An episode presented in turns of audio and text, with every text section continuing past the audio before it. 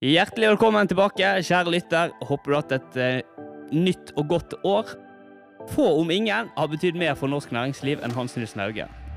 Gründer, businessmann og forkynnelse preget hans virke på begynnelsen av 800-tallet som et resultat av et overveldende gudsmøte våren 19, nei, 1796.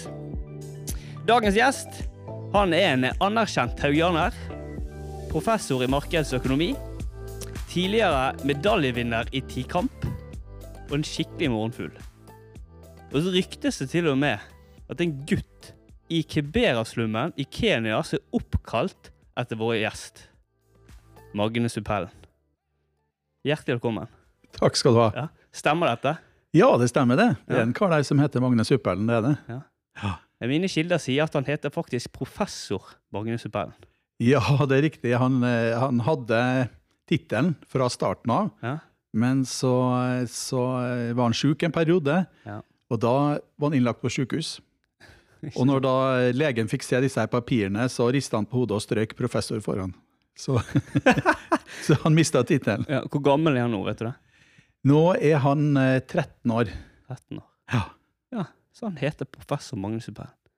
Professor, er, er professor det na- fornavnet? Ja, han heter Magne Suppelen, og professor, professortittelen har han mista. Han, går- han Ok. går på ungdomsskolen i, litt utenfor Nairobi. Nei, den er herlig. Ja. Herlig. Du, eh, du, Magne, er jo professor i markedsøkonomi Stemmer. eh, på NHH. Og så har du veldig mange andre verv òg. Mm, Du, du jobber litt på NTNU, stemmer. og så jobber jo du med Hauge School for Management. Ja. Ja, er, du, er du ansatt alle plassene? Ja, det er jeg. Ja. Eller har i hvert fall kontrakt til alle plassene. Ja, Spennende. Så da eh, hvis, Ok, et gøy spørsmål til deg. Hvis du skulle valgt tre yrker som du hadde gjort det godt i, utenom det du gjør, hva skulle det vært? Tre andre yrker. Hmm. Ja, det mest nærliggende vil jo være eh, entreprenøren, da. Ja. Prøvd, prøvd meg som entreprenør. Ja. Eh, så tror jeg at eh, juss eh, ville ha passa meg godt. Jobba som eh, jurist eller advokat. Ehm, og det tredje hmm, Hva skulle det vært? Nei, jeg har sans for eh, eh, psykiatri. Ja. Psykologi. Så eh, psykiater, kanskje. Ja. Spennende. Spennende. Vi bare dykker rett ned i materien som skal være i. Og, og eh, jobb og hva man skal bruke livet på, og meningen med livet og disse store tingene her, da. Det, det er jo litt lange linjer. Eh, og du, du er jo opptatt av dette med kall. Stemmer. sant? Så hva, hva, hvorfor er du så opptatt av det? Jo, jeg er opptatt av det med kall fordi at eh, det gir eh, livskvalitet, og det gir retning, høyere hensikt.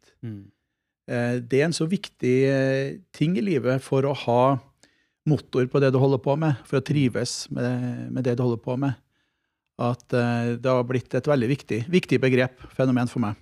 Mm. Hva er kall, da? Hva vil du definere?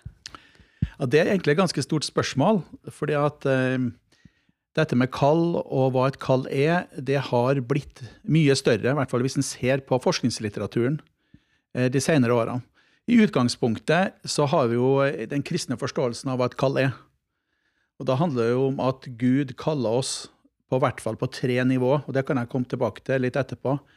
Men da er det Gud som kaller mennesket eh, inn i fellesskap med seg til å eh, realisere hans hensikter eh, på, jorda. Og at alt skal ses i det perspektivet. Det er den sånn klassiske kristne forståelsen av, av kall. Mens det vi ser nå da, i, i forskningslitteraturen innenfor ledelse, managementlitteraturen, det er jo at eh, man har blitt interessert i det her kallsbegrepet, fordi en ser at det har en del positive virkninger. Folk opplever større livskvalitet og mening i arbeidet. Men det har også ført til at man har eh, utvida kallsforståelsen. Så nå handler det egentlig mer om å koble arbeidet sitt på en høyere hensikt generelt. Sånn at det er ikke nødvendigvis da alltid eh, Gud som kaller i den forståelsen. Eh, det kan være en opplevelse du har hatt i livet, f.eks. En, eh, en forretningsmann eller -kvinne som har eh, vært i Kenya da, og, og sett nøden der. Og så opplever man på en måte at det man har sett, eh, det kaller på en til endring, til å bidra.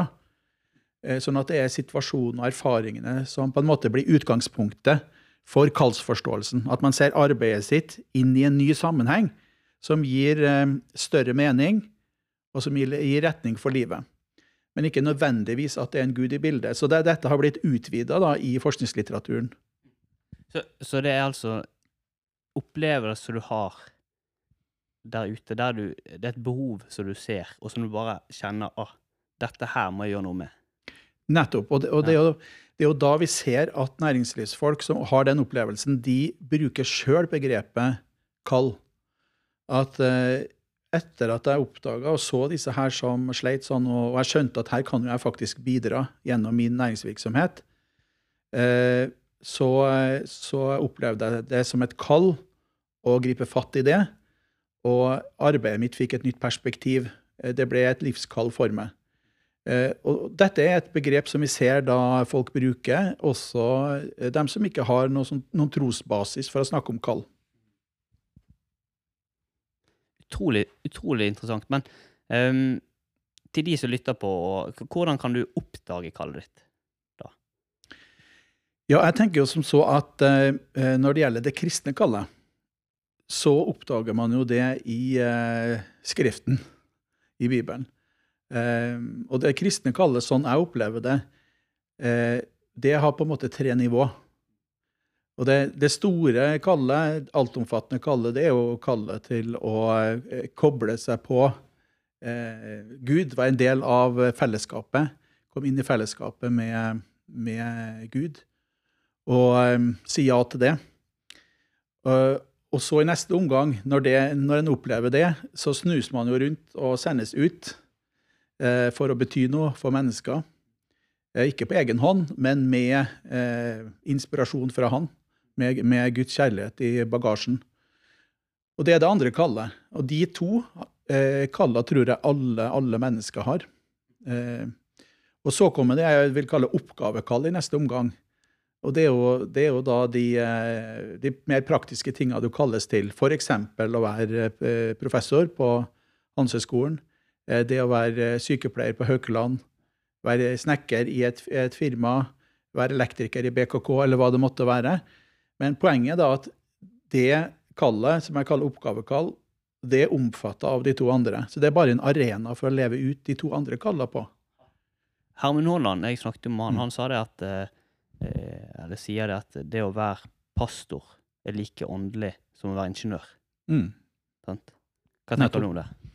Jo, ut fra en, en, sånn forståelse av kall som jeg var inne på, eh, så, så er det helt riktig.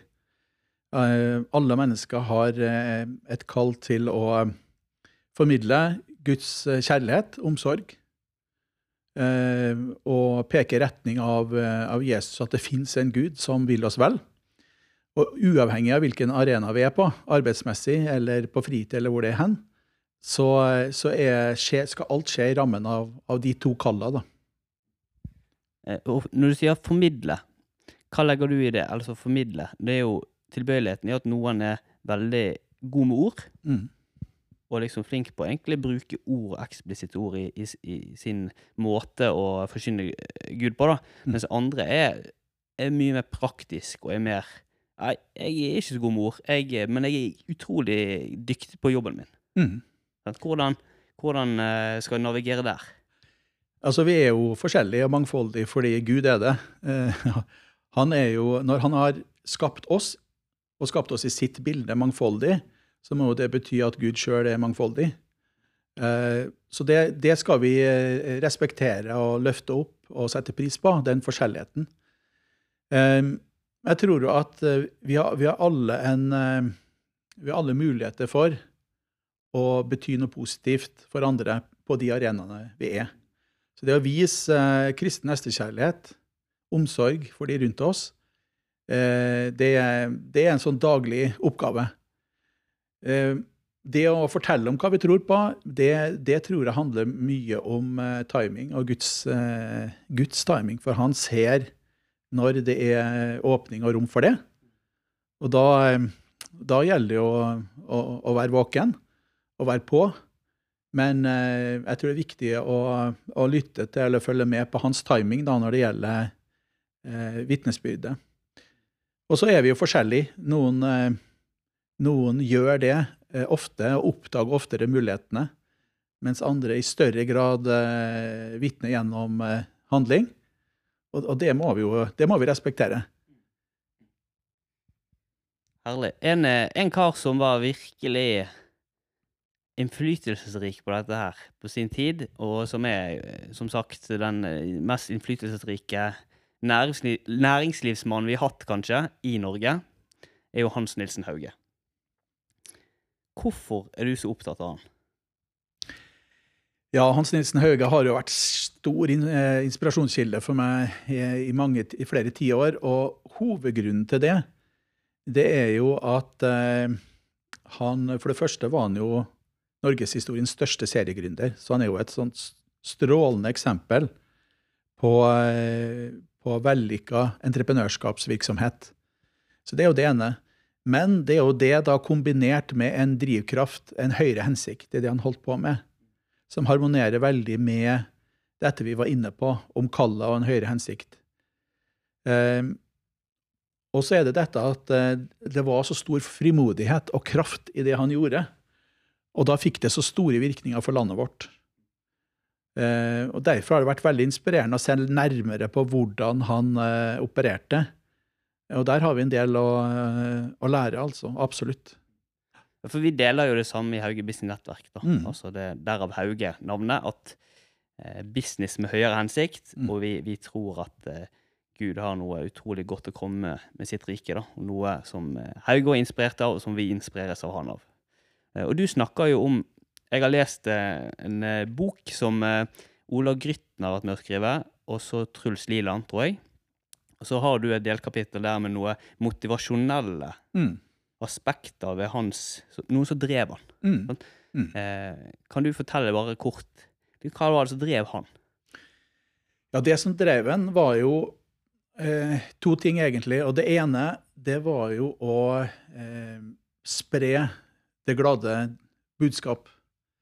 Eh, I en tid hvor eh, eh, det var lite kristen litteratur, altså Bibelen, den var på latin. Og det du fikk servert fra, fra Bibelen, det var jo på gudstjeneste.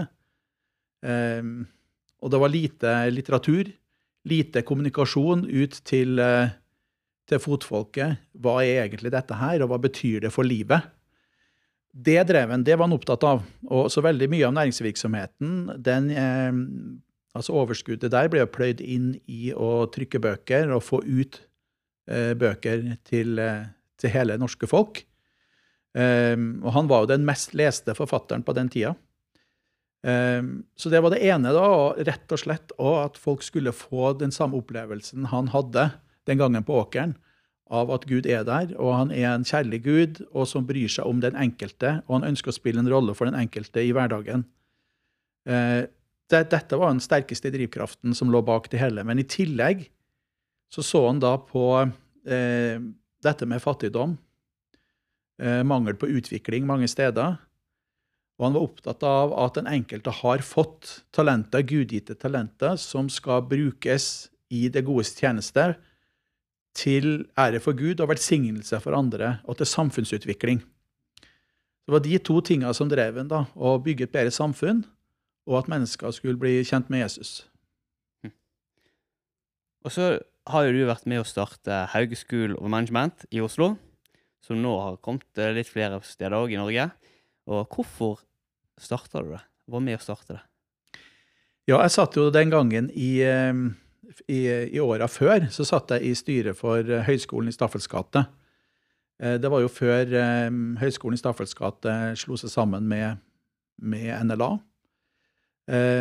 Og den gangen så, så jeg at det gikk mot en fusjon.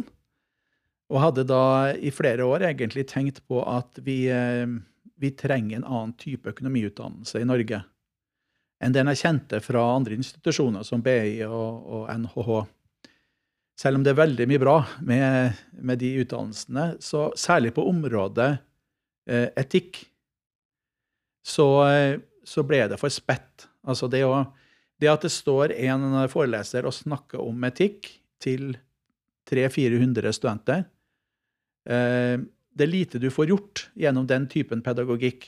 Du kan bevisstgjøre på en del dilemmaer, det er det hele, men hvis du skal forme karakter, da handler det om å gjøre studentene bevisst på eh, egne verdier. Det handler om å eh, sette seg mål i livet, og så koble da fag og næring på det. Så jeg ønsker da å, å dra i gang en utdannelse hvor eh, man satte av tid til å ha en annen pedagogikk, hvor en ble utfordra utfordra studentene på hva er det egentlig du står for. Eh, hvilket avtrykk vil du sette som eh, næringslivsmann eller -kvinne? Eh, hvilke mål vil du sette deg, og hvorfor? Altså en type pedagogikk som ville gjøre noe med karakteren. Bevisstgjøre på, på tro, verdier, etikk, og så integrere det i ulike fag. Og da fantes det jo ikke noe bedre eh, inspirasjonskilde enn eh, historien om Hans Nilsen Hauge. Så navnet ga seg nesten selv. Fantastisk. eh, hva, hva, ønsker du, da? Du har jo vært litt innpå det med hva, hva du ønsker å forme ditt eh, til. Men hva ønsker du å se mm.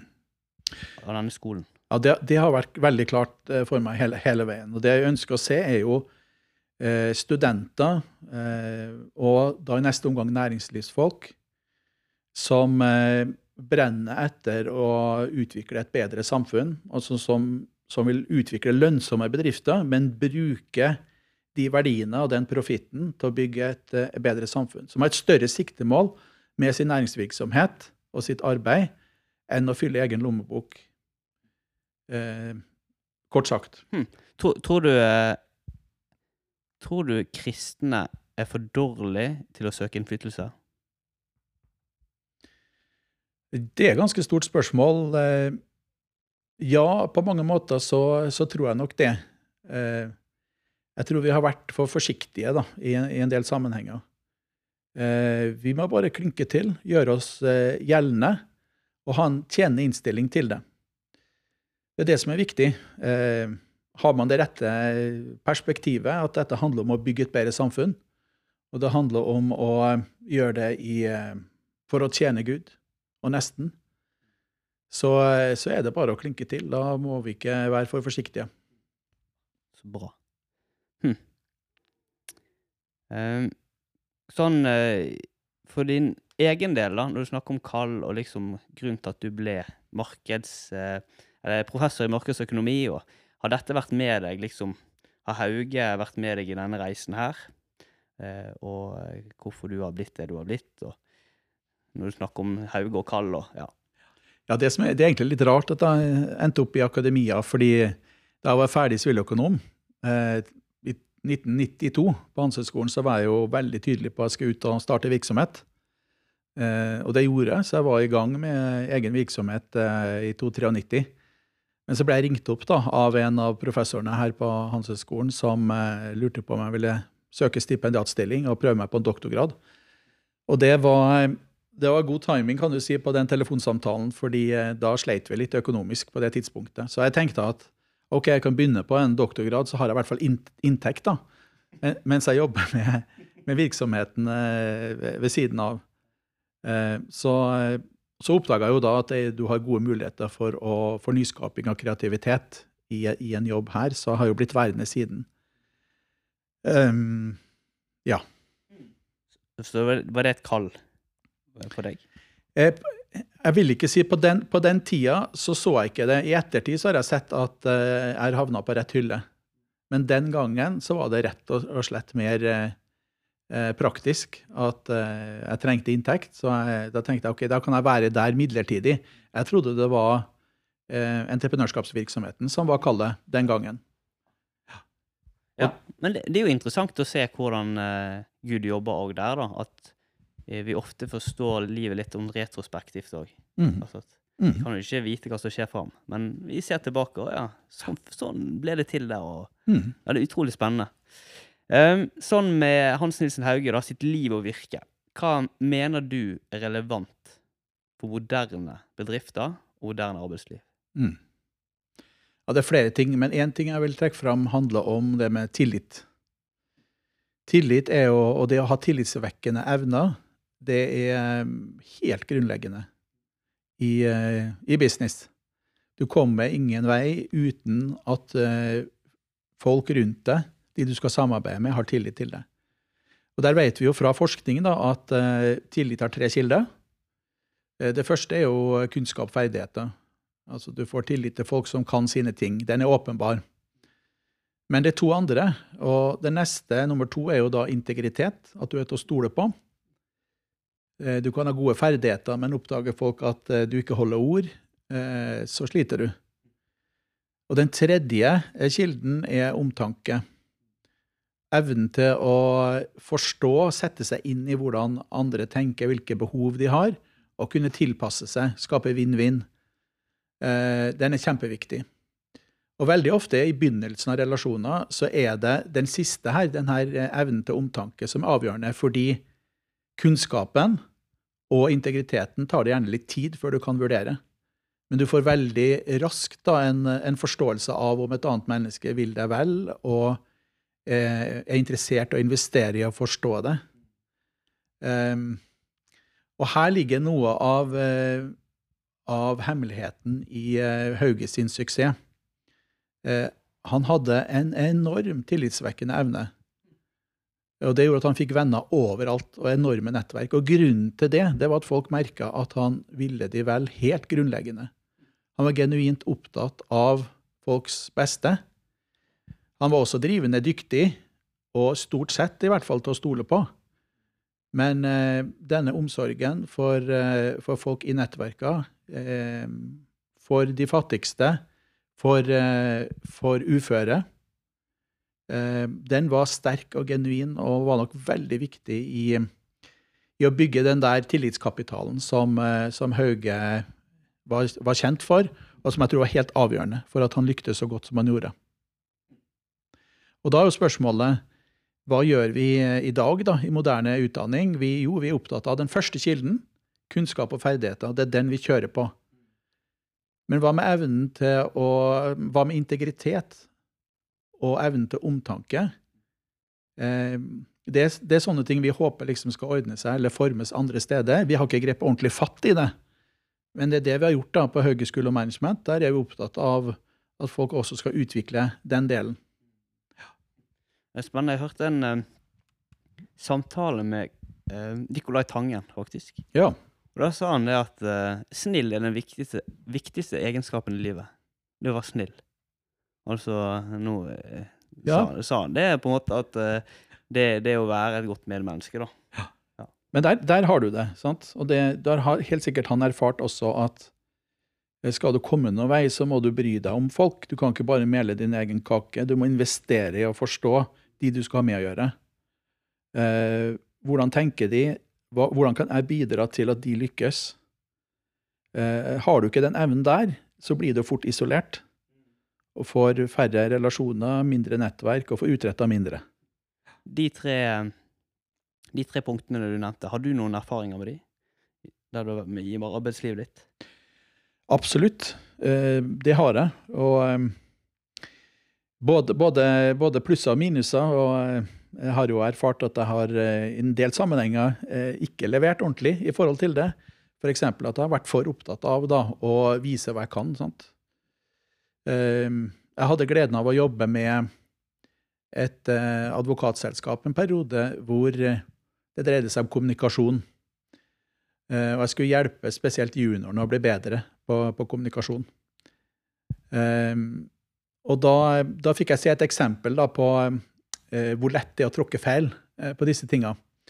Eh, jeg fulgte de på, en, eh, på, en, på, et møte hvor de skulle pitche, som det heter, på en jobb. Det vil si at det var et stort selskap som hadde en juridisk nøtt de trengte hjelp til, og så hadde de da invitert tre advokatselskaper eh, som skulle komme og fortelle hvordan de hadde tenkt å gripe det an. Og så ville de i etterkant velge en av de.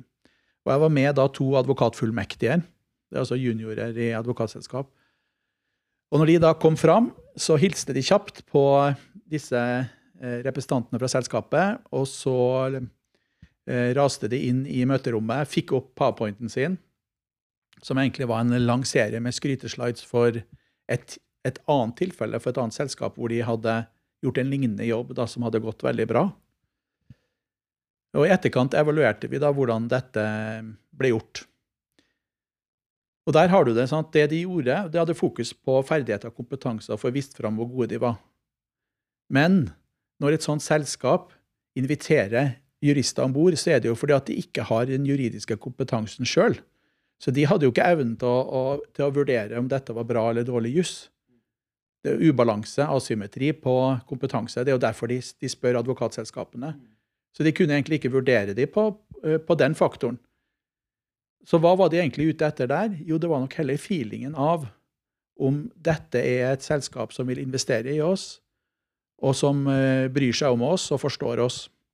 Så det de burde gjort eh, når de kom dit, det var å se de her eh, ordentlig i øynene, hilse på de, sette seg ned, ta en kopp kaffe, og så vise at de har investert i å forstå selskapet og hvilke utfordringer de har, osv. Så så det går litt på kartlegge behov, da. Hva de, hva de ønsker, hva de virkelig vil. Ja. Fremfor at 'hei, se hva jeg kan'. Nettopp. Ja. For sånn er det jo. Hvis du har omtanke og omsorg for, for andre, så investerer du i å forstå hvilke behov de har. Så det er helt naturlig. Burde være. ja. Så nå, kjære lytter, nå har du oppskriften til hvordan du skal gjøre det når du skal eh, formidle dine tjenester. Ok, nå, eh, nå, tar vi og eh, går mot runden mot en avslutning. Og så lurer jeg på Jeg har noen spørsmål til. Og det er Hvordan kan etterfølgelse av Jesus bidra til å skape gode arbeidsplasser og endre samfunn? Nå har du vært innpå en del ting, men eh, hvis du har noen siste tanker om det? Mm. Jeg tenker jo at uh, den der uh, omtanken da, for uh, medarbeidere partnere man samarbeider med, konkurrenter til og med. Det er masse folk en har med å gjøre. Og en ekte omtanke og omsorg for de, det, en, det trengs inspirasjon da, for å levere på det i hverdagen. Og da tenker jeg jo at, at fellesskapet, både i menigheten, tid over en åpen bibel, bønn, det er jo der man henter inspirasjon til å, til å levere på den delen. Ja. Herlig. Og så, Hvilke årstall kommer til å bli viktig for ditt liv framover? Jeg tror altså hvert eneste år framover. Eh, jeg ser ikke noe bestemt årstall som kommer til å eh, skille seg ut i utgangspunktet. Eh, jeg tar en dag og ei uke og et år av gangen. Så jeg er opptatt av å Jeg har jo blitt eh, Du nevnte innledningsvis at jeg er eh, A-menneske. A pluss. Ja.